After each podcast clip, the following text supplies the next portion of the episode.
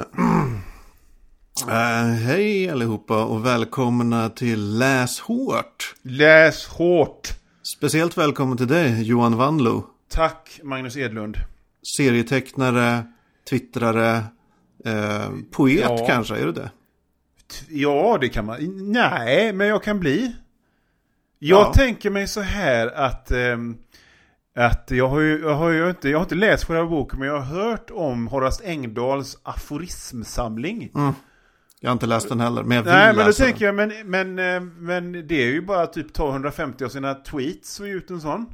Ja, det, det är ju det är bara formatera det hela, göra det lite snyggt. Så att jag menar, och han är väl poet kan man väl säga? Eller? Ja, jo men det är han väl. Jag antar det. Inte alla poeter idag. Alla är journalister.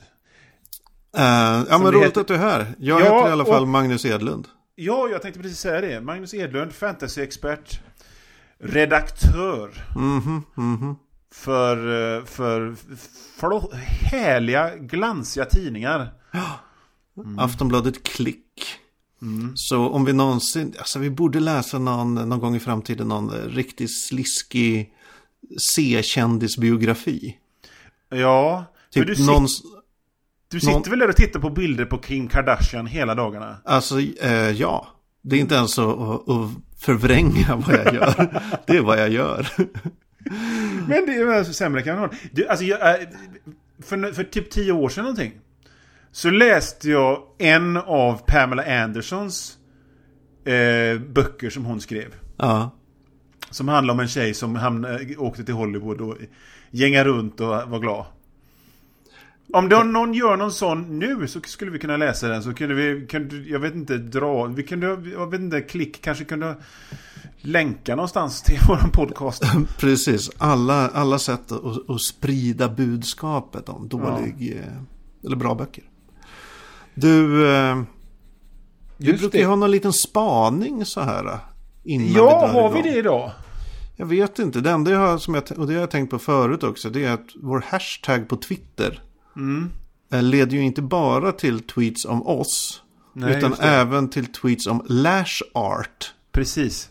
Alltså massa människor som gör ögonfranskonst, typ. Ja, Eller väldigt fancy ögonfransinstallationer. men Makeup. det handlar ju, alltså jag tänker att det är ju bra att upptäcka nya saker. Ja, Så folk som vill ha oss kanske kan upptäcka en helt ny värld av, av, av grejer de aldrig sett förut. det hoppas jag. Jag jobbade i en seriebutik en gång i tiden och då, då kom en, en herre in som verkligen inte skulle dit. Han bara, han skulle köpa räkor någonstans. Eh, och, men så fastnade han så här mitt framför, eh, det var sådana här målade vuxenseriealbum. Och, och bara stod och bläddrade i en halvtimme och köpte alltså en fem, sex sådana album. Så, så här såg inte serier ut när jag var liten. Herregud. Det, oj, det här hade jag verkligen inte... Sånt är ju fint. Mind Jag- blown. Jag- Jag har en liten spaning som jag har tänkt på. Du, Förra avsnittet så pratade vi om vad, vad vi för slags läsare vi är och vilka slags läsare vi vänder oss till och vilka som kanske... Och nu har jag under, under sen vi spelade in sist läst eh, en fin bok. Oh, Eh, berätta. till och med två finböcker så här. Alltså som inte är genre och som är god litteratur. Och då slår jag mig att en skillnad mellan det som vi gillar och god litteratur det är att i god litteratur så kan till exempel en, en, en, eh, människa eh, liksom växa upp, coming of age, du vet. Mm. Och inget händer. Bara lever Jag- sitt liv. De, de, kom, de kommer of age och det är fint skrivet och ingenting speciellt händer. I det vi gillar så kommer de till age samtidigt som de måste liksom hämnas eh, hämnas en oförrätt eller de måste ta sig ut ur ett rymdskepp som håller på att krascha eller något sånt. De kommer av age medan de är på en ninja-skola. Ja, de kommer of age medan robot uprisingen håller på. Eller så när de kommer av age så får de superkrafter. Ja, precis. Så där tror jag nog. Ja, det, det är inte som i genrelitteratur, det är inte så mycket så här att någon föds, växer upp, börjar jobba på advokatbyrå, Nej. Lever ett eh, miserabelt eh, liv i ett eh, dött äktenskap. Nej. Och sen dör. Nej. Eller har en kväll där de... Jag, jag tycker, jag har sett många recensioner som handlar om böcker som... Om folk som har en galen natt Mm. i, i Stockholm. Oh ja, det är en hel Eh, genre. Ja, men samtidigt så, liksom i det som vi gillar så är det kanske en, en galen natt samtidigt som de har en eh, tidsinställd bomb fastbunden i liksom en slags handklova kring handen som de måste bli av med samtidigt som de stött på någon tjej som kan japanska. Precis, en galen natt och de är varulvar. Precis. Ja. Du, eh, Magnus, har du läst något bra sen sist? Alltså bra är ju ett, eh, det är ett starkt ord. det, det måste jag ändå säga. Men jag har läst, jag vet inte om du känner till den här författaren, Mac Maloney. Ja, det gör jag. Han har skrivit, 1987 skrev han en bok som heter Wingman. Ja! Som blev början på en typ 12 böcker lång serie. Jag har läst denna bok. Eh, den har jag börjat läsa. Jag har inte läst klart den kan jag säga. Jag tror inte jag kommer läsa klart den. För, eftersom vi, ja, alltså. Jag måste bara snabbt berätta vad fan den handlar om. Ja. Eh, tredje världskriget har just eh, varit. USA förlorar. Men inte för att USA var dåliga på slagfältet. Utan för att de blev förrådda inifrån såklart. Ja. Eh, och boken börjar med att eh, en, en jätte, så här, flygar-S, en, eh, en stridspilot av Guds nåde. Han har dragit sig undan så här ut på landet, sitter på en bergsknalle och läser böcker och så har han gjort det i några år. Eh, och så plötsligt ser han ett, eh, ett flygplan komma flygande så här, alltså gammalt så här, med en så här banderoll efter. Och så står det på den här banderollen så här, rapportera till sergeant eh, Snoke eller något sånt där. Och han bara, det där måste vara till mig. Och så sa han, ja Snoke, det var ju, jag var hans wingman under hela tredje världskriget. Jag har aldrig varit med om en bättre befälhavare.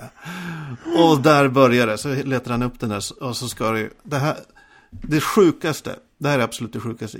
Kommer du, om du har läst det här, kommer du ihåg vad huvudpersonen heter? Nej, det gör jag inte. Jag lyssnade på ljudboken. Han heter Hawk Hunter. Han är en stridspilot som heter Hawk Hunter. alltså, och, och det, är ju, det är ju en novellsamling. En löst sammanhållen novellsamling visste jag det som. Det var liksom ingen röd tråd mer än den här, den här ramhandlingen. Men sen var det bara massa grejer som hände och sen tog det slut. Det var ett Nej. äventyr och så ett äventyr till och ett äventyr, Eller? För jag, då kanske jag har läst någon annan bok i den serien. Det är möjligt, för det finns tolv stycken. Och de har undertitlar som så här The Lucifer Crusades och så här, War in the Sun och sådana coola titlar. Han skrev ju en, jag har läst någon, eh, en serie efter den. Som jag inte kommer ihåg vad den heter, men det var en science fiction space opera. Och det var också en flygare som hade tappat minnet och som, som vaknar upp någonstans i något gammaldags flygplan. När, hela, när, när det är år 3000 någonting. Och den är väl ifrån 90-talet någon gång, men det kunde lika gärna varit från 30-talet. Så jädra... Vad, Ja. vad fick dig att börja läsa den här?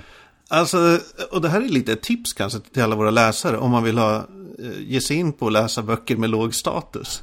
Det är att man, eh, man köper sådana här humble bundles. Okej. Känner du till det? Humble Ja. bundle. Ja. Eh, Jag har köpt Ibland- någon gång men inte läst en enda bok i den. Nej, äh, de har ju ofta så här, eh, betala vad du vill, få tio böcker. Mm. Och så är det två av dem är typ bra.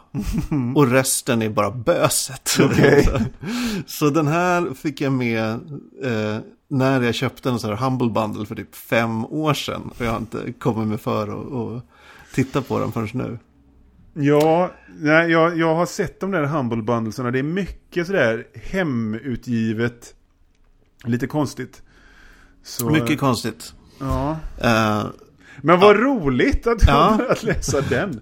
Mac Maloney, Wingman. Eh, Hawk Hunter är såklart den manligaste och, och den enda rättrådiga amerikanen som är kvar. Typ. Han är så hård. Har du läst något då? Jag har läst något. Jag har läst fruktansvärt mycket sen vi pratades vid sist. Shit. Eh, ibland kan man komma in i sådana stim, känns det som. Ibland är det väldigt svårt att få läst. Det kan gå veckor om man Mm. bara läser en bok. Och på grund av konstiga omständigheter, ibland bara rinner det på och det ena är bättre än det andra. Verkligen. Men det, det som jag måste... Det, jag har läst eh, den bok som du pratade om sist, eh, The Reckoners, vad heter den? Ja, Steelheart. Steelheart. Vad tyckte du om den? Ja, sådär. Mm. Helt okej. Men den boken som jag tänkte prata om här, det var... Eh, det fanns en sån här kioskbokserie som heter Remo-mannen som är en dödsmaskin. Mm. Och, och i och med den, alltså det var mitt eh, skräpkulturella uppvaknande, den serien. Jag, jag, har läst, jag har läst de böckerna sedan jag var 13 år. Och jag slutade ungefär sådär 2008, för det var ungefär då de slutade ges ut. Eh, och, eh, det, det handlar alltså om Remo som var en polis i New Jersey som hans död fejkades. Och sen så blev han Han blev liksom den hemliga organisationen Cures Lönnmördare då och han har hela tiden en kompanjon som heter Shun, den koreanska mästaren på på en eh, någon slags martial art som heter Sinanjo. Han är den enda som kan den. Och, och, och, och eh, han håller på att träna upp Remo i den här. Och de, har i princip superkrafter då. Och den här serien har alltså funnits sedan 70-talet. Och jag älskar den så otroligt mycket. Men som sagt, den, alltså mot slutet så blev det så här att det blev ju andra författare som tog över och då blev ju böckerna gärna lite... Alltså från början så var de som, om du tänker som avsnitt av en 70-tals tv-deckare. Det började och så var det lite raffel och så lite action och så tog det slut. Det var ganska enkelt. Men sen ju, ju, liksom, ju mer åren gick desto tjockare blev böckerna och mot slutet så blev det ju liksom Cthulhu i vulkaner och jävligt tjockt. Och så sen så, så, så blev ju media som det blev så de slutade komma ut helt enkelt. Men för bara eh, några månader sedan så kom för första gången sedan 2008 en ny Remo-bok. Eller The Destroyer som den heter. Och den heter Bully Pulpit. Bully Pulpit. Ja, och den är alltså bok nummer 151 i Remo. eh, och den är då skriven av Warren Murphy som var originalförfattaren till de här böckerna. Han är död idag. Men den här boken är skriven av R.J. Carter och det är alltså en officiell eh, uppföljare. Och det var alltså det var en sån Let's get the band back together känsla. Jag blev nästan liksom gråtfärdig. Jag satt så här. För det var precis, de hade skruvat ner allting några grader. Det var inte sådär stur, storvulet extra, utan det var bara ett nytt äventyr och nu är det på igen och det är en gammal skurk som vi känner igen och så är det liksom en liten vinkning. Åh, jag blev så lycklig. Jag är glad för din skull. Ja, det var verkligen... Alltså, det är som... Sådär glad som man blir när man hör någon gammal låt man gillade. Fast Men, med en visst bok. gjordes det några filmer om det här också? Ja, det gjordes en film eh, som var på 80-talet någon gång. Som heter Remo obeväpnad och farlig. Och så Just gjordes det, en, eh, en tv-pilot som jag inte har sett. Men den där Remo-filmen var ju ändå en hyfsad stor film bland oss eh, vi, video, videohyrande Mm. gossar på 80-talet. Jag minns den som att jag gillade den väldigt mycket. Ja, ja, jag tycker den är problematisk idag för att jag menar, det är inte så mycket kung fu utan det är mest att han slåss med knytnävarna som vilken... Men det, den har ju en härlig scen när han, han, han blir jagad av någon tjock skurk och så springer han på cementen och skurken åker ner. Så det är så klofs. Just Det är ett sånt typiskt remo moment. Är det inte något att han fångar en kula också eller något sånt Ja, där? i munnen ja. Han fångar just med, ja. Och, och, eh, ja, men jag blev så lycklig när jag såg den här boken. Och förhoppningsvis så blir det fler alltså. Eh, och det, man, man saknar ju den gamla Remo-upplevelsen när man gick in på eh, Statoil på Hönö och köpte den senaste. Det där kan man ju inte få, utan jag laddade ner den till min Kindle. Men, ja, ja, jag, jag blev... Eh, jag blev sådär glatt mysnostalgisk när jag läste den. Och det var sådär, ja, vad fan vad fint. Så det finns inte så mycket så här ren kiosklitteratur i kioskerna längre. Nej. Det är bara samma deckare som säljs överallt annars. Ja, alltså det finns ju romantik finns det ju. Ja, det gör det förvisso. Ja, men alla, alla sådana här eh, liksom numrerade serier. alla, alla de här manligt kodade, numrerande serierna. Det fanns ju en gång i tiden en uppsjö sådana. Ja, en hel back brukade det stå bara. Ja, och, det, och, liksom, det, och det, var, det var westerns framförallt, men det var även liksom den ene, liksom lite, gärna lite Rambo-artade var de. Eh, Men mot slutet så fanns det bara en kvar och det var, alltså eh, den här då, The Destroyer som Remo heter på amerikanska. Den lades ner där runt 2000, eh, 2008 och nu i årsskiftet 2014-2015 så försvann den absolut sista sån. Och det var ju The Executioner som på svenska heter Mac Bolan. Eh, ja, Det måste ju ha att göra med alla de här undersökningarna som visar att män inte läser så mycket längre i Sverige. ja. Alltså att män köper inte de här manliga Alltså böckerna. de har ju inte kommit ut på svenska på evigheter alltså. Äh, Men, men sen så kan jag ju tänka mig att att den, den publiken som gillar att läsa, men gillar att läsa sånt De gick och köpte Tom Clancy istället. Eller Ja, Clive. Cussler eller liksom Jag menar för de böckerna kostar ju lika mycket och så var det 500 sidor god action. Det är vad jag tror. mm.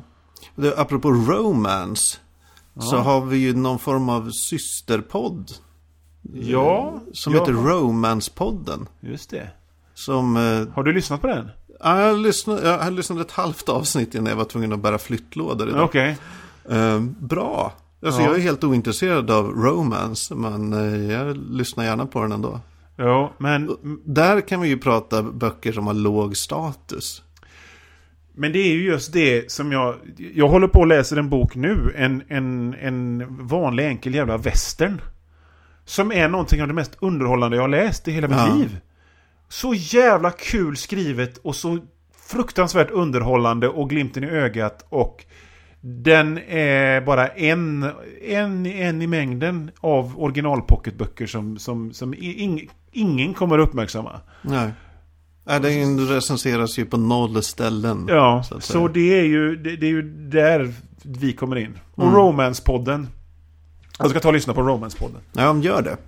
Ska vi jag- gå över till veckans, eller vad säger jag, månadens, vad heter det, huvud, huvudnummer? Ja, det, det tycker jag verkligen vi ska göra. Det är ju lite av ett speciellt eh, huvudnummer det här. I, I och med det att ingen av oss har valt den. Nej, utan det var en lyssnare som hette Anders Jansson. Precis. Som skänkte sitt exemplar av diamantdäcket till mig och du hittade ett på bokbörsen. Mm. Snabbt och... Precis. Och eh, sen jag hittade det så har jag inte sett något annat exemplar Nej. av det. band- Jag har ändå kollat lite så här. Finns det något nu på bokbörsen? Finns det på Tradera? Nej. Nej, jag har aldrig sett den här boken förut. Och Inte det är ju heller. alltså en eh, presentbok. Ja. Utgiven, framtagen och utgiven av firman Vakuumvulk System i Malmö.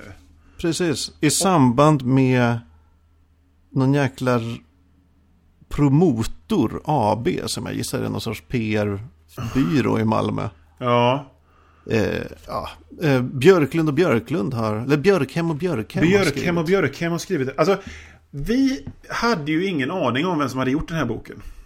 Nej, man, vi vet inte ens förnamnet på de här. Det står inte i boken. Nej, utan det står Björkhem och Björkhem. Sen, via vår oerhört populära Facebook-sida Mm. Gå in och likea. Mm. Så, så, så kommer Orvar Sävström. Av filmkrönikan Fame. Ja, och, och eh, konserter med, med, med tv-spel Fame och rollspelsböcker Fame. Mm. Eh, och eh, släpper bomben att det är hans Hans, hans svärmor. Som har skrivit. Så, så hans svärmor, och så har han skrivit den här boken. Tillsammans med hennes exman, eller hur? Nej, eh, mannen är eh, död. Ja. Örjan Björkhem. Ja. Eh, Men det- då sa du något intressant när du läste hennes namn. Att det här är ju, vad sa du? Kiosklitteratur royalty. Ja, jag, jag googlade på namnet. Och det är ju så här att Ann Björkhem är, i, är aktiv än idag. Som översättare. Mm. Men Ann och Örjan Björkhem skrev alltså någonting i stil med 26 böcker i Vita serien. Och vad Eh, var det? Läkarkiosk, läkarromantik. Ah. Under pseudonymen Elisabeth och Per Reimers. Och de har även skrivit i serierna eh, vad heter, nu ska vi snabbt, hjärtdam och mysrysare. Eh, under 70-talet och 80-talet. Och då, nu snackar vi riktig kioskboks-royalty alltså. Ja. Så att det var, det var ju inte någon som satt på den här däcksfirman och tänkte att det skulle vara trevligt att gå ut en bok. Utan de, de, de, de, de, stötte, de gav det här jobbet till proffs. Har du läst någon av eh, deras andra böcker? Nej, har du läst någon Vita serien? Eller? Jag har ett flertal vita serier. Alltså jag, jag kan gilla... Jag har en sån här liten idé om att jag ska läsa lite romance. För att förkovra mig i, i kioskboksvärlden. För att kunna liksom öka min kunskap. Ja. Men jag har, jag har inte hunnit läsa det som jag har. Jag har ingen av dem tyvärr. Men det kan ju nämnas att Örjan Björkhem då, mannen i, i det hela, han, han var eh, okult expert. Eh, alltså skeptiker då, men även ändå intresserad av det hela. Och sk- skrev en 25 stycken populärvetenskap, eller vad säger jag, inte populärvet, men alltså faktaböcker om, om parapsykologi och eh, liknande. Stora spådomsboken. Oh, Djävulen mobiliserar. Det är du. alltså det verkar... Ja, jag älskar det så mycket. Ja, jag älskar också det här Det så är mycket. fantastiskt. Ja. Eh, Och jag menar, jag menar, jag... Jag älskar kioskböcker. Jag har en sån stor respekt för kioskböcker. Jag med, Åsa herregud. Pers. Det är ju så jag började läsa Ja. böcker överhuvudtaget. Så jag kände bara att... Eh, vi, det, det, fan vad roligt. Jag har inte vågat mejla Eva Inte? och ställa några frågor kring detta. Eh, För jag kände liksom att jag, jag, nej, jag vill inte att det ska komma in fel på något sätt. Jag, alltså, man kan ju raljera över omständigheterna. Man kan raljera över vakuumvulk. det kan man göra. Men man kan inte raljera så mycket över själva, liksom, för att den här typen av beställningsjobb, va? Den har ju alla frilansare gjort på något sätt. Eh, jag menar, Ja, jag... det, det är ju inget konstigt överhuvudtaget. Nej, jag menar jag har till exempel tecknat och skrivit en eh, hel barnbok som, som delas ut till, till barn som familjehemsplaceras i Jönköping. Ja. Den är ju inte med på min bibliografi direkt. Sådär. Alltså bara i Jönköping ja, ut. tydligen så går det hett till. Okej. Det är vilt till i Jönköping. Shit. Och jag menar, jag har, jag menar, det det är jag i och för sig stolt över, men jag har skrivit Bams och Buskis och liknande. Så att Ja. Det, är- det är ju så här det är när man, när man är... Ja, fan stålet måste in. Ja, precis. Det är herregud. Fina recensioner ger inga, inget bröd på bordet. Nej, precis. Och så vidare. Du, eh, jag, jag hade tänkt försöka på något sätt. Det är svårt att närma sig en sån här bok. Ja. När, de, när man har den här konstiga bakgrunden. Mm. Eh, men jag ska ändå försöka på något sätt. Alltså, vad fan handlar den om? Om Mm. man bara ska försöka sammanfatta det någonstans. Eh, det, det, är- det är svårt. Alltså det är, som jag ser det. Det finns två par i den här Mm, boken. just det. Det- det Skurkparet och hjälteparet. ja, precis. Och det, de, de har ju så här, det goda paret är då Erik Gustav och Mm. Birgit. Och de onda är då Henrik och Helena. Precis. Eh, Och storyn, alltså det är, den, är, den är lite märkligt strukturerad. Det, det börjar ju med då att det onda paret ska smuggla diamanter eh, i däck. ja. Och för de har upptäckt att just vakuumvulkade däck Det är jättebra. är jättebra för att de slits inte. Precis, och, och, liksom, och också så här under regumeringen så finns det ett tillfälle där man säkert kan gömma diamanterna i däcket och sen kommer liksom ytterdäcket på på något sätt. Eh, trots att det i den här boken var väldigt långa partier som bara beskrev regumering och så, så fattar jag aldrig riktigt vad, Nej. vad det är för något. Jag har inte ens körkort kan jag säga så att jag... Det har något med däck att göra. Ja. Eh, Okej, men, men de ska göra det. Och de gör det. De gömmer diamanterna i det här däcket. Men däcket hamnar ju på, hos någon annan. Ja, är... Nämligen tradarchaffisen eh, Erik Gustav. Precis. Och som samtidigt som man får sina däck regumerade blir kär på något eller hamnar på någon sorts relation till, Bri- Birgit, Brigitte.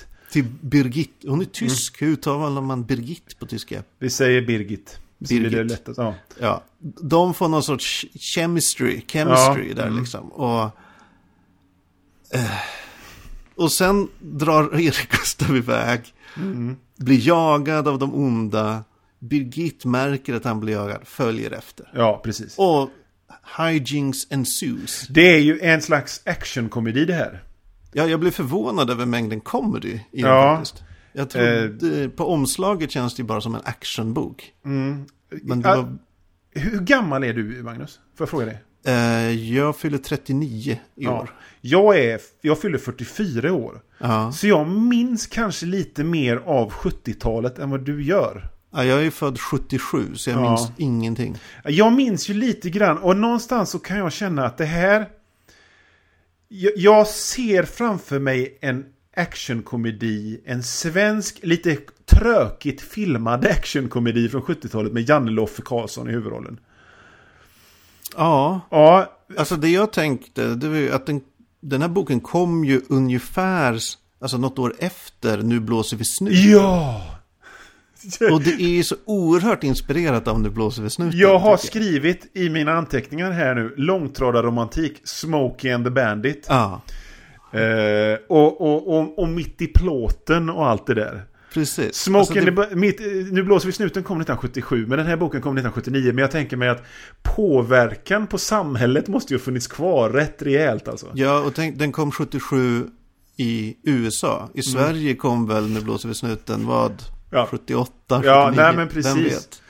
Ja, det, det... Men det som slår mig när jag tänker tillbaka på det lilla jag minns av 70-talet Det är att det lika gärna kunde vara 40-talet va? Och Jag tycker det är så Ja. talande i den här boken på så många sätt att att, att för, för mig som ändå är född i början på 70-talet och ändå minns, jag menar, minns lite, lite, lite, lite grann av slutet av 70-talet som, som min barndom så känns det ändå, men herregud, det här det är ju aslänge sedan. Mm. Och, och, och, och det, det känns, jag menar, det, det känns så fruktansvärt länge sedan. Ja, alltså det, det är väl på något där att mellan det att, att liksom förbränningsmotorn uppfanns Mm. och att internet Mm. uppfanns, eller liksom kom, började spridas. Så det var lite samma. Alltså det var, det var, det var ganska mycket samma typ av liksom, alltså livet såg likadant ut under, Mm. vad, så här, 70 år kanske, jag vet inte. Ja, någonting säger mig att vi har väldigt, väldigt fel. Men, Ja, alltså, ja, men- Jag, jag, jag tänker snarare liksom att Ja, nej, det, det liksom, utvecklingen har gått så fruktansvärt mycket. Men det, det, det, känns, det finns så mycket bitar i den som känns så otroligt gammeldags. Jag menar Ja. bara en sak så här som att diamantsmuggling räcker som plot device. Ja, Man det är verkligen inget mer än diamantsmuggling. Man, men, men det var ju vanligt då. Det var ju vanligt med, med liksom falskmyntare. Och Ja. det var, ja, oj, vilka skurkar, de måste vi sätta dit. Jag menar, alltså, den minst spektakulära skurken i en svensk deckare idag, en svensk sån här jävla gråtråkig, segdeg, jävla Lisa Mankell. Det är ju en supersmart seriemördare som, som gömmer offer i, ingjutna i väggar. Liksom, det är den minst spektakulära grejen. Men, Ja, verkligen. äh, diamantsmuggling. Ja, det, det funkar ju. Det får ju igång den här eh, historien på ett föredömligt sätt. Eh, men, alltså som, som jag sa, det, det, jag satt ofta och, och tänkte på, alltså den här boken är gjord för att sälja däck. Mm. Ja, det kom som ofrivilligt, som ett metafilter Mm. någonstans. Och, eller hur kände du inför det? Alltså, Alltså jag kände inte det så himla mycket som jag kände att det är ett, ett fantastiskt tidsdokument över hur media såg ut för 40 år sedan. ja. Att det var att, att det här med en trevlig stund. Att man skulle ge någon en trevlig stund var en... För att underhållning var inte liksom någonting som man kunde ta, ha i sin telefon. Utan underhållning var... Man fick vänta på sina tv-program. Man, fick, man fick önska en låt i radion om man hade tur. Man fick, man fick, eh, du vet, man kanske fick en reklamkassett ifrån någon fönsterfirma där det var coverlåtar av, av, av moderna hits med, med sketcher insprängda. Lite sådär, och att, att då, var, då var läsning en underhållningsform som vilken annan, vilket jag hävdar att den inte är idag. Jag, tyck, Ja, vad, hur, vad tycker du den är idag då? jag tycker att det är ett intresse, alltså att man, att man gillar att läsa.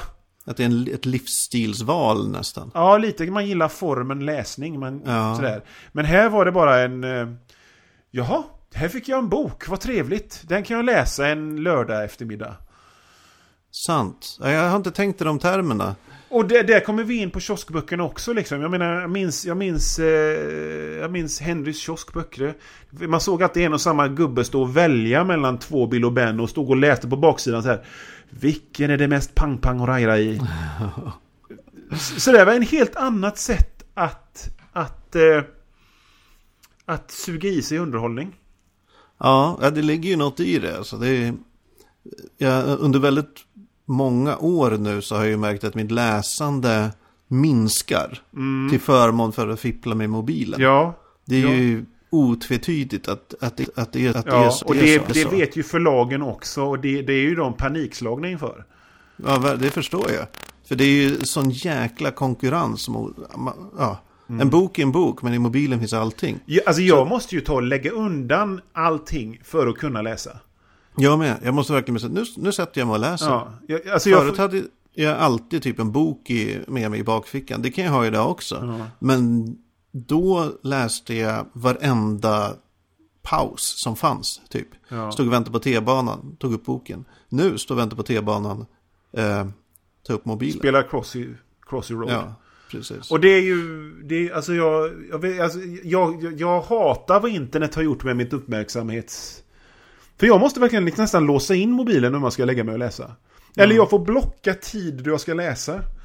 För annars så blir det bara, och jag menar, äh, jag, jag, jag, jag hade först en, en, en, eh, en Kindle, en gammaldags Kindle. Mm. Och sen så skaffade jag en iPad när de kom. Men, och så läste jag böcker på den. Men jag fick köpa en och så sålde jag den gamla Kindle. Men så fick jag köpa en ny Kindle för jag blev distraherad av all jävla annan skit på den. Ja, jag har in, aldrig lyckats läsa en hel bok på en iPad. Mm. Det, det går inte. Det är alltid någon jävla notification någonstans som man glömt stänga av. Ja. Så plötsligt har man ett mess någonstans. Ja, serier möjligtvis men inte, inte, inte hela böcker. Det. Ja. Men eh, för att återgå till diamantdäcket. Eh, jag tänkte som sagt mycket på att han skulle sälja däck. Mm. Och ibland var det så här. Ja jävlar vad de försöker sälja däck här. Mm. För det var, ja men till exempel precis i början så är det så här. En blond tjej kör sportbil. Och snackar om hur man regumerar däck i två sidor. Ja. Hon var iklädd bikini dessutom. Ja. En blond tjej i bikini pratar om, om däck. ja. Eh, då tänker man så här, okej är det här någon sorts eh, våtdröm för en eh, tradarchaffis? Eller? Det är det nog. Det är det nog. Det, om du tänker dig en, en, en, en fläskig tradarchaffis. Och så kommer en, en, en riktig gräddbakelse. Som jag kan tänka mig att en snygg tjej kallades på 70-talet av, Säkert. av, av, av, eh, av snajdiga killar. Och börjar snacka däck. Ja, Som en hel kar. precis. tror jag Det nog är Så riktigt- fantastiskt måste det ha varit. Ja. Men sen, okej det finns sådana episoder. Väldigt mycket fokus på, på vulkanisering av olika däck och sådär. Mm.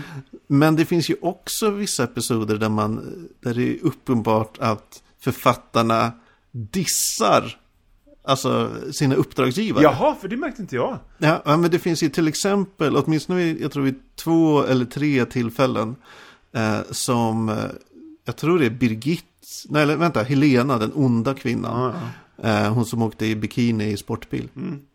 Eh, som, brukar, som flikar in någon kommentar så här att Alltså det hade ju varit mycket lättare att smuggla det här i, eh, i typ ostar som vi gjorde förut. Men vår chef vill att vi ska, vår chef i Antwerpen, eh, som han heter något så här von Gap eller något, Ja. vill att vi ska köra de här i däcken. Så då får vi väl göra det då. Okej. Det var för subtilt för mig. Jag märkte Ja. aldrig det. Ja, jag tyckte det var ganska fint att de bara Ja. di- dissar hela upplägget någonstans. Ja, jo, men det, det är ju... Det har man ju också gjort. Ja. Man har gjort grejer åt folk. Som man kanske inte har känt att har varit så kul att göra. Ja. Eh, ja, en av mina första anteckningar var liksom eh, oh, någon som blev kallad din fjuttare. Tyckte jag. ja, vad fan är det? Är det en tåfjuttare? Ja, ja, det, alltså det är rent allmänt rätt mycket gnabb i den här boken som jag antar ska vara rolig. Men som mest blir inte, inte witty banter utan bara liksom tjafs för tjafsets skull. Det är mycket Ja. så här, nej för det sa jag faktiskt inte, jo för det sa du. liksom en halv sida. Ja, ingen av de här paren, varken då Erik Gustav och Birgit som är de goda, de har ingen superrelation. Nej. De, visst, de ska vara så här att det ska vara någon så här budding romance, liksom. Men det får man aldrig känslan av, utan de är ju bara så här trötta på varandra det mesta. Ja, precis. Han, Erik Gustav, oj ja, och nu gråter hon, undrar varför. Och hon är så här, åh. Och samma med de onda, Henrik och Helena, de är också så här att de bara tjafsar med ja, varandra. ja, visst. Ja. Och, och, så blir, och så blir det liksom en, ett och annat hopp med bilen hit och dit för att det ska vara sådär liksom Smoke and the Bandit fräckt. Ja, Ja. alltså, det gör, alltså hur, hur kände du när du läste den här boken? Eller liksom hur... Eh, jag kände att den var intressant som en slags, dels som eh, eh, en, in, som sak. Som, re- Alltså idén med en reklambok. Och att ha läst den känns som jag har, liksom, har ytterligare liksom höjt min, min nörd idiotkunskap liksom, genom att läsa Ja. den. Men det var inte så jävla roligt kan jag säga att läsa den. Det var väldigt svårt att hålla sig koncentrerad i mer än fem sidor i taget. Alltså jag, jag hade också det, alltså fokus var svårt och Ja. inte på grund av mobilen. Och boken är alltså 123 sidor lång. Det Ja. är inte... Det tog fyra, fyra veckor för mig att läsa den, Okej. kanske tre och en halv. Ja, nej, det tog väl kanske eh, tio dagar för mig att läsa den här boken. Men, det, ändå, Men- det var liksom inte lätt då. Men... Eh, Men jag, jag tror den, den gör, författaren gör sig själv en liten otjänst i att de skriver, alltså de har pratminus när folk pratar. Mm.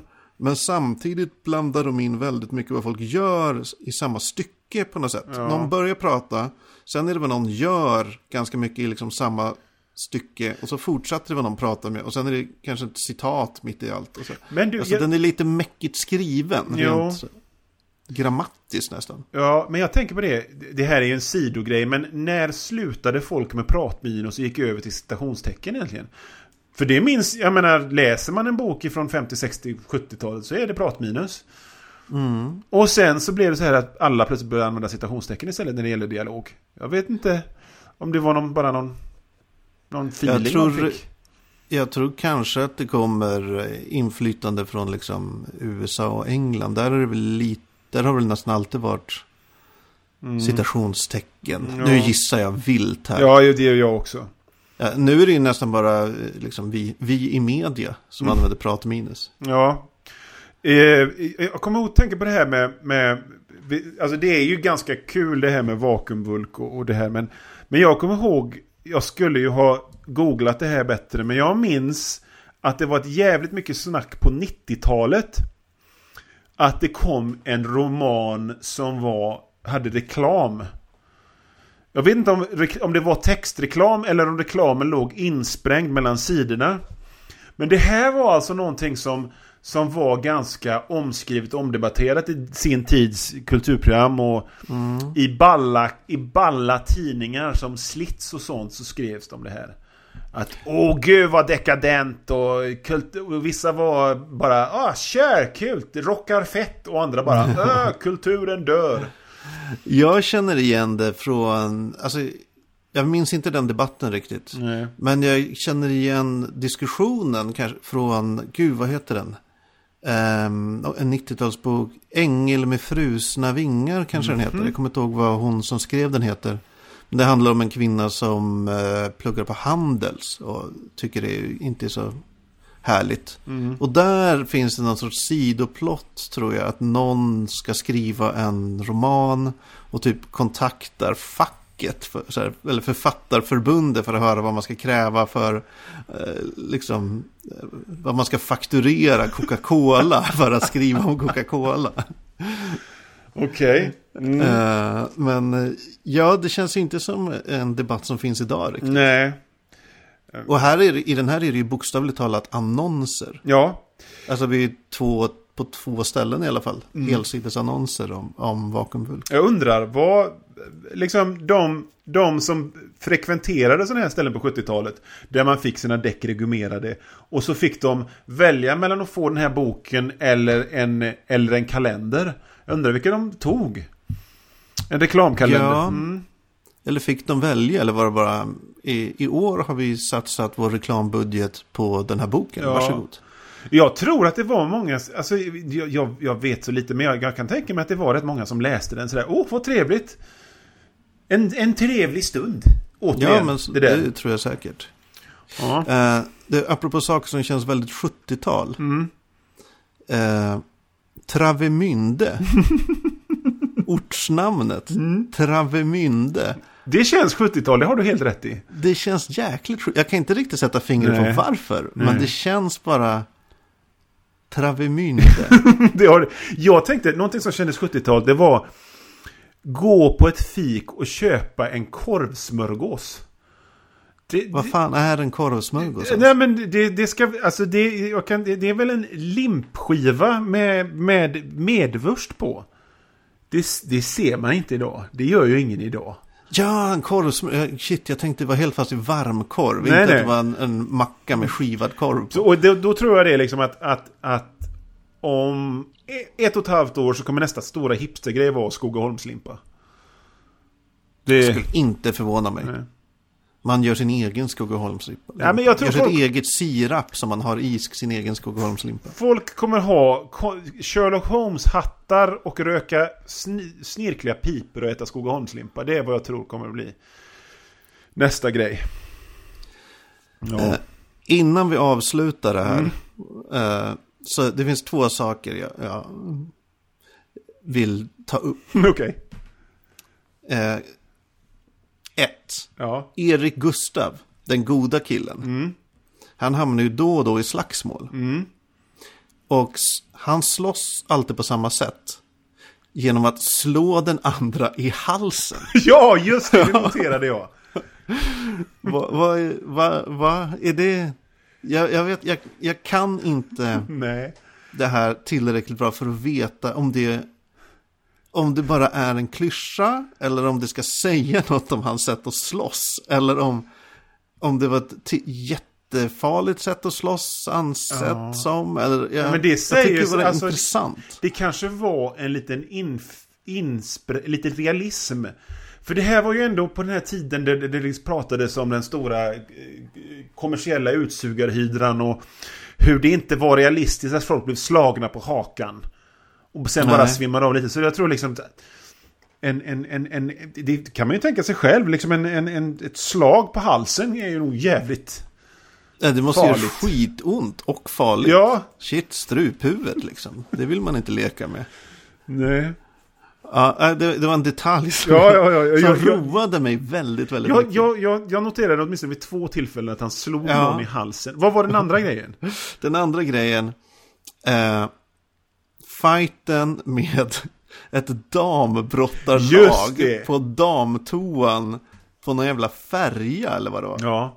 Och det var här vi kom in på actionkomedi-farsen. Det är ju, det är ju rena Åsa-Nisse-buskisen det här. Ja.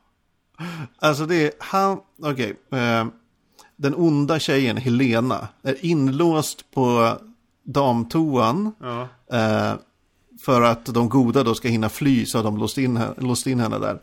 Eh, hon står och gastar. Eh, den onde killen, Henrik, eh, hör det, ska in. Eh, men blir stoppad i dörren av en kraftig kvinna. Från Skånes... Vad hette det? Skånes kvinnobrottarsällskap eller något sånt här. Ja, Södra tror- Skånes kvinnliga brottarsällskap eller något sånt. Ja. och eh, han börjar ju börjar kaxa sig. blir utslängd. Han försöker ta sig in igen, blir utslängd. Försöker en tredje gång. Då får hon hjälp av hela sitt lag, typ. Som sätter sig på honom. I, i, i, och det här pågår ganska länge, måste jag säga. Och det är som du sa, det är, det är liksom, det är buskis. Ja. Eller det, ja, det är väl ganska ett klassiskt 70-talshumor. Ja, men det är ju det jag menar med, med att, att det är här... Alltså jag kan se den trist och dåligt ljussatta men ändå festliga komedifilmen som, som kunde ha spelats in av det här. ja. Det, liksom någon slags Göta kanal, nu blåser vi snuten. Verkligen. Salta bönor med Janne-Loffe Karlsson och Kim, Kim Andersson och vad de nu heter. Alltså jag skulle, jag skulle gärna sett den filmen. Jag Alltså, tror den här skulle göra sig bra som film. En svensk Nu blåser vi snuten rent allmänt. Tycker jag låter som Ja. en väldigt bra idé. Jag har länge funderat på om, om eh, det inte är dags för Steve Meloiden The Movie. Ja. Alltså, Tycker jag det. ja, alltså, så här är det. Alla älskar buskis egentligen. Jag tror det. Ja, Alltså det är en väldigt utskälld och, och, eh, och folk vill gärna göra sig tuffa genom att säga att nej, buskis. Jag tror alla innerst inne gillar rejäl buskis och bondkomik och slapstick. slapstick och folk som skiter ner sig och pratar med dialekter och har lösskägg. Innerst inne jättemycket. Det tror jag. Det tror jag med. Alltså jag är övertygad om det. Sen kan man gilla det i olika grad. Men jag tror och man kanske inte gillar all typ av buskis. All slapstick. Men jag tror, alltså det finns ju något inbyggt roligt i att någon ramlar och slår sig. Ja. Eller pratar med tillgjord småländska. Det räcker för att jag ska börja skratta. det här är det Medusa. Är är. Alltså jag direkt istället en trigg, trigger igång. Någon slags, nu är det roligt. Ja, det är. Det är bara att liksom ta ett djupt andetag och släppa in buskisen i ert liv känner jag. Andas buskis, lev buskis. Hörde du Magnus? Ja, Nu kanske du är nyfiken på vad vi ska läsa för bok tills nästa gång. jag är väldigt nyfiken. Och lite, jag har en lite konstig känsla i magen. Vi ska läsa... Eh, jag tänkte att det var dags att poppa din Western Cherry. Men sen så ändrar jag mig. Det får vi ta någon annan gång. Okej. För att vi ska läsa boken What Angels Fear av C.S. Harris. What the what what? Som utspelar sig 1811. Och det handlar alltså om eh, intriger och romance och thrillers i den absolut högsta brittiska överklassen. Oh my god. Eh, eh, nu ska vi se här. På baksidan, jag bara läser slutet. In Sebastian's world of intrigue and espionage, nothing is as it seems, yet the truth may hold the key to the future of the British monarchy. Åh herregud. Ja, och den här boken kan man alltså... Eh, jag, har ett, jag, har, jag har den i nyutkommen print, även om den är från 2005. Men den finns till Kindle och eh, allt sånt där. Så det är Fan, vad härligt. att få tag i. Och ni som lyssnar, C.S. Harris, What Angels Fear. The First Sebastian Sincere Mystery. The first what? Sebastian Sincere. Ja, han heter så, huvudpersonen. Eh, eh, Sebastian Sincere is uncannily clever, unwaveringly reserved and irresistibly sexy. Ooh. Oh, det här kommer bli så jädra Sexy. trevligt. Så den Jag ville bara- läsa till nästa gång. Det, det ser jag verkligen fram emot. Ja, och jag har... Jag vill bara påpeka en sak. Alltså, min eh, Western Cherry är ju redan poppad Jaha, för okej. länge sedan. Jag läste så många sexy westerns Oj! när jag Ja, men gick i då då, högstadiet kan den, kanske. då är din cherry rejält poppad. Ja, ja, ja, ja, ja. Men What Angels Fear. Av. C.S. Harris och det står för... Eh, ja, det ser jag inte. Ah, Candice Proctor Harris. Någon sån. Någon sån. coolt, coolt. Ja. Men det, och det är Ja. någon slags eh, thriller eh, deckare med lite, lite... Och så är den lite sexy, tror jag. Sexy. Jag ska omedelbart eh, beställa den. Läs hårt, Du- Magnus. Läs hårt, Johan. Läs riktigt hårt. Mm. Ska göra.